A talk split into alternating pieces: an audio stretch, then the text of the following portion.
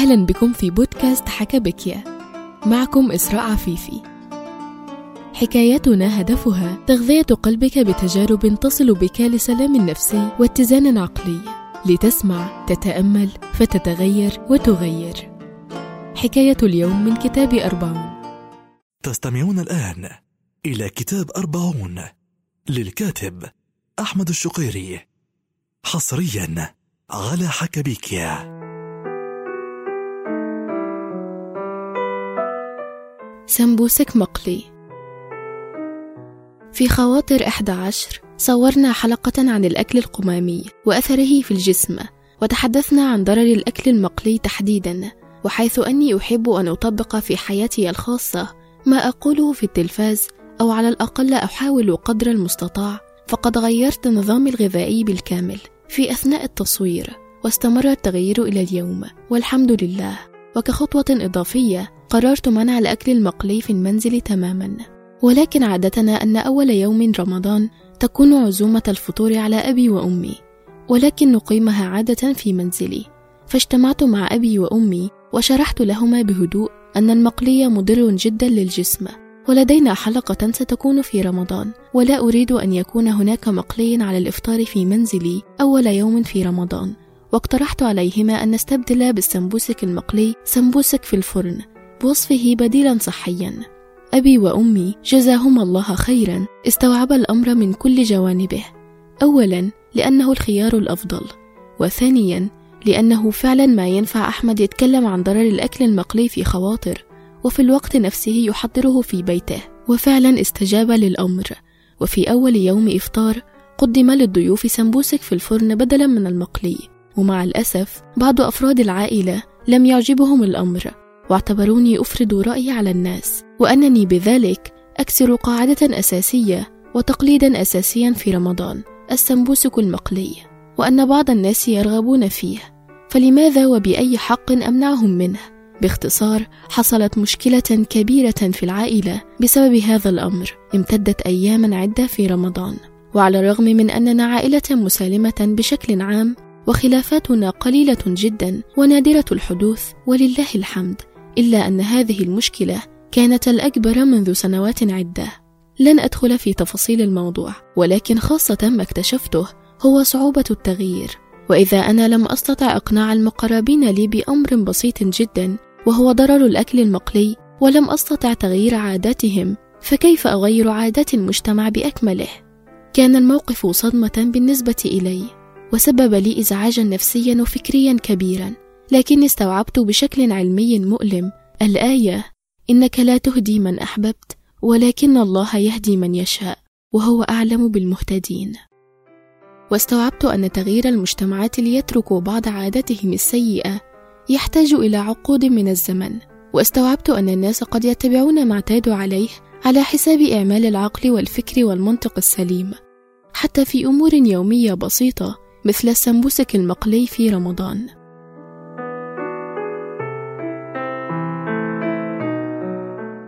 يا مسلوع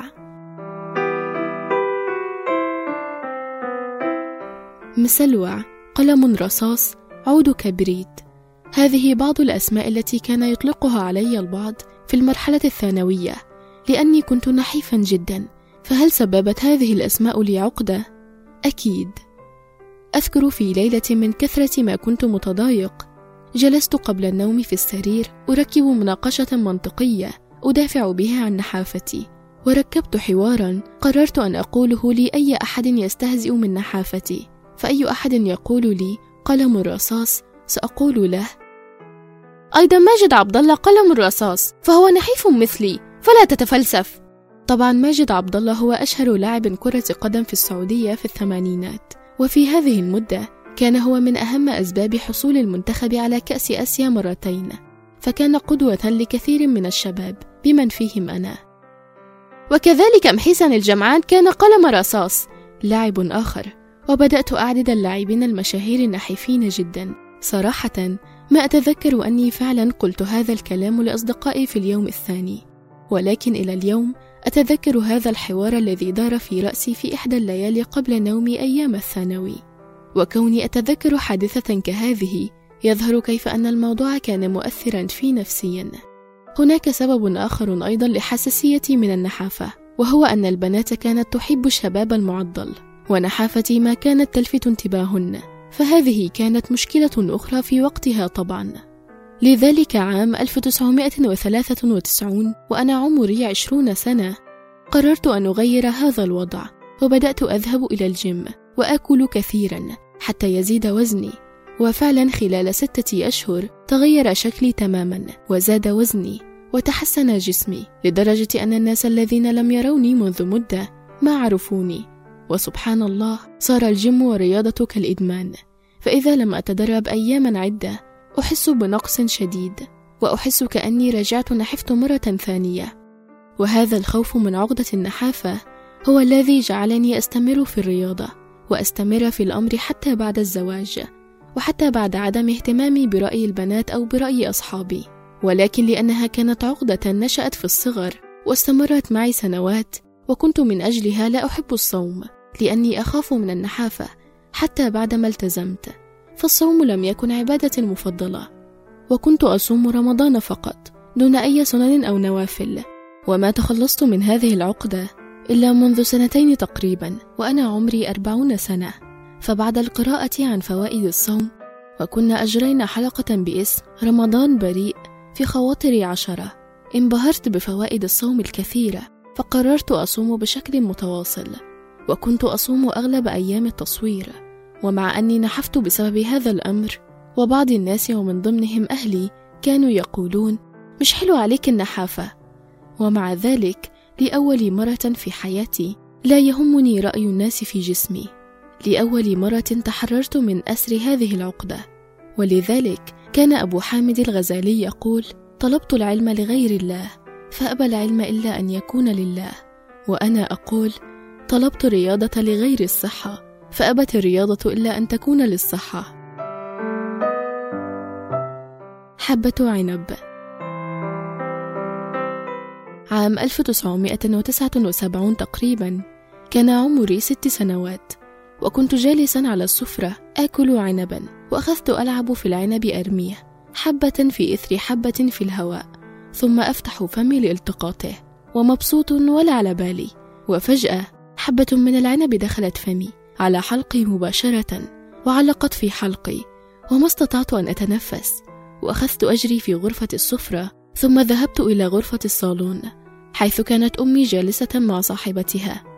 وبينما أجري حول الغرفة فإذا أمي تحسب أني ألعب ولكن وجهي صار أزرق وسقطت على ركبتي ووجهي على الأرض ولم أتمكن من التنفس فأتت أمي مذعورة وضربت على ظهري مرات عدة إلى أن خرجت حبة العنب من فمي على الأرض.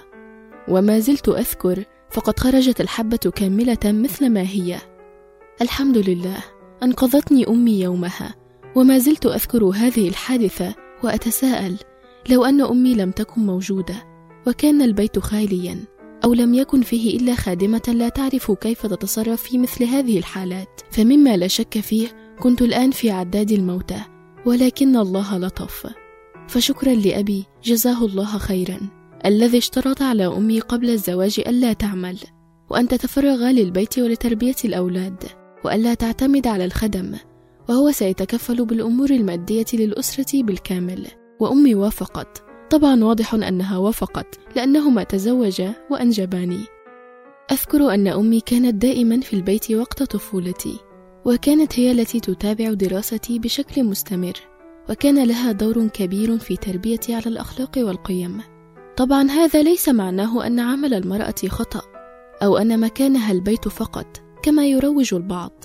فيمكن للزوجين التفاهم في هذا الأمر بما يتناسب مع حالتهما وعمل المرأة ليس عيبا ولا خطأ.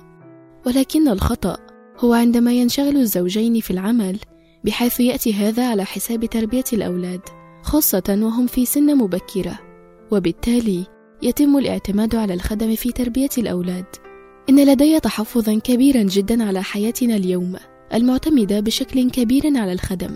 بما في ذلك حياتي أنا ورولا فلا أجد أي ضرورة صراحة للخادمة في البيت بهذه المبالغة.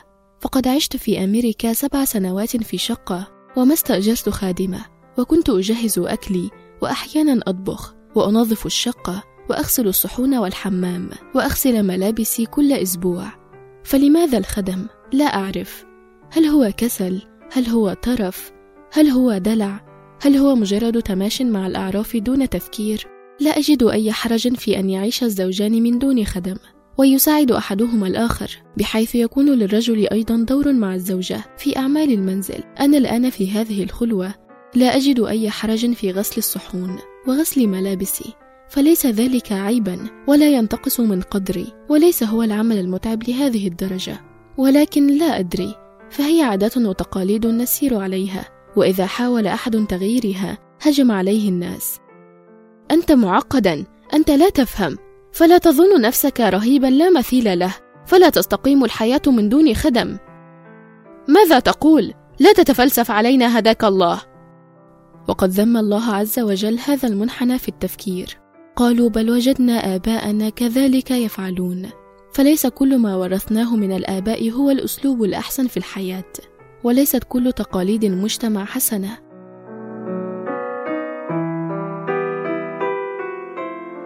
هل أضافت لك هذه الحلقة شيئا؟ هل فكرت بتفكير مشابه لهذا أو قمت بفعل ملهم؟ نرحب بمشاركة تجربتك معنا أتمنى لك سلام نفسي وفكري على الدوام سلام.